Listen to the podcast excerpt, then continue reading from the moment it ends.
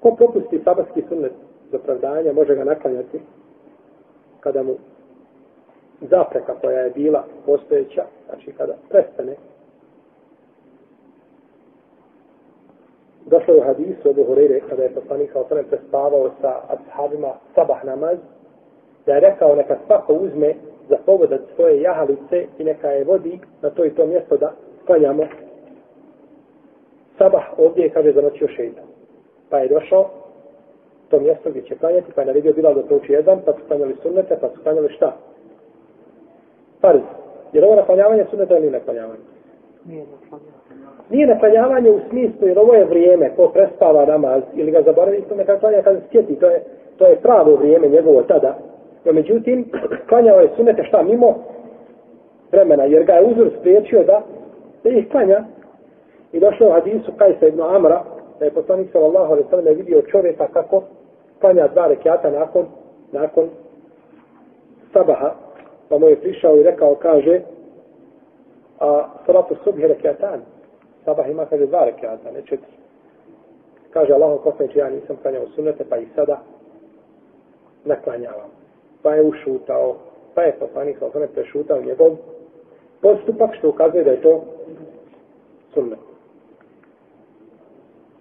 I došlo u hadisu Ebu Hureyre, da je poslanik sa osram rekao, ko od vas zaboravi sabarski sunet u stvari ne klanja ga, neka ga klanja poslije izlaska sunca. I ovaj hadis drži Tirmizi, Ibn Huzemi, Hasim i Tabarani, hadis je vredostojan. I prethodni je hadis je vredostojan. Ima li oprečnosti među njima?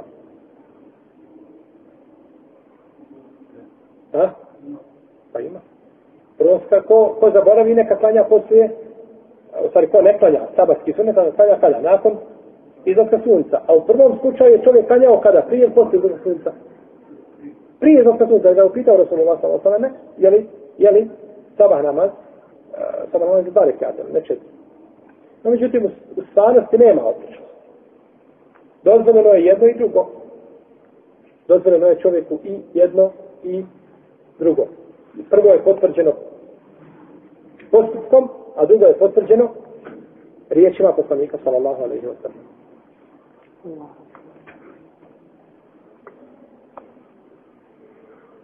U hadisu u kome se kaže ko zaboravi dva rekiata ili ko ih ne klanja neka ih klanja nakon što izvije sunce ima li išta što brani klanjanje tada rekiata prije sunce? Ne. A u postupku klanjanja ta dva rekiata poslije sabah namaza, kao što čini ovaj ashab, ima li što tome što brani stavljanje ta dva rekata nakon izlaza sunca? Ne. Znači, nema čega. Ima prividna kontradiktornost. I hadisa je, braćo, veliki boj među koji je prividna kontradiktornost. I ajeta.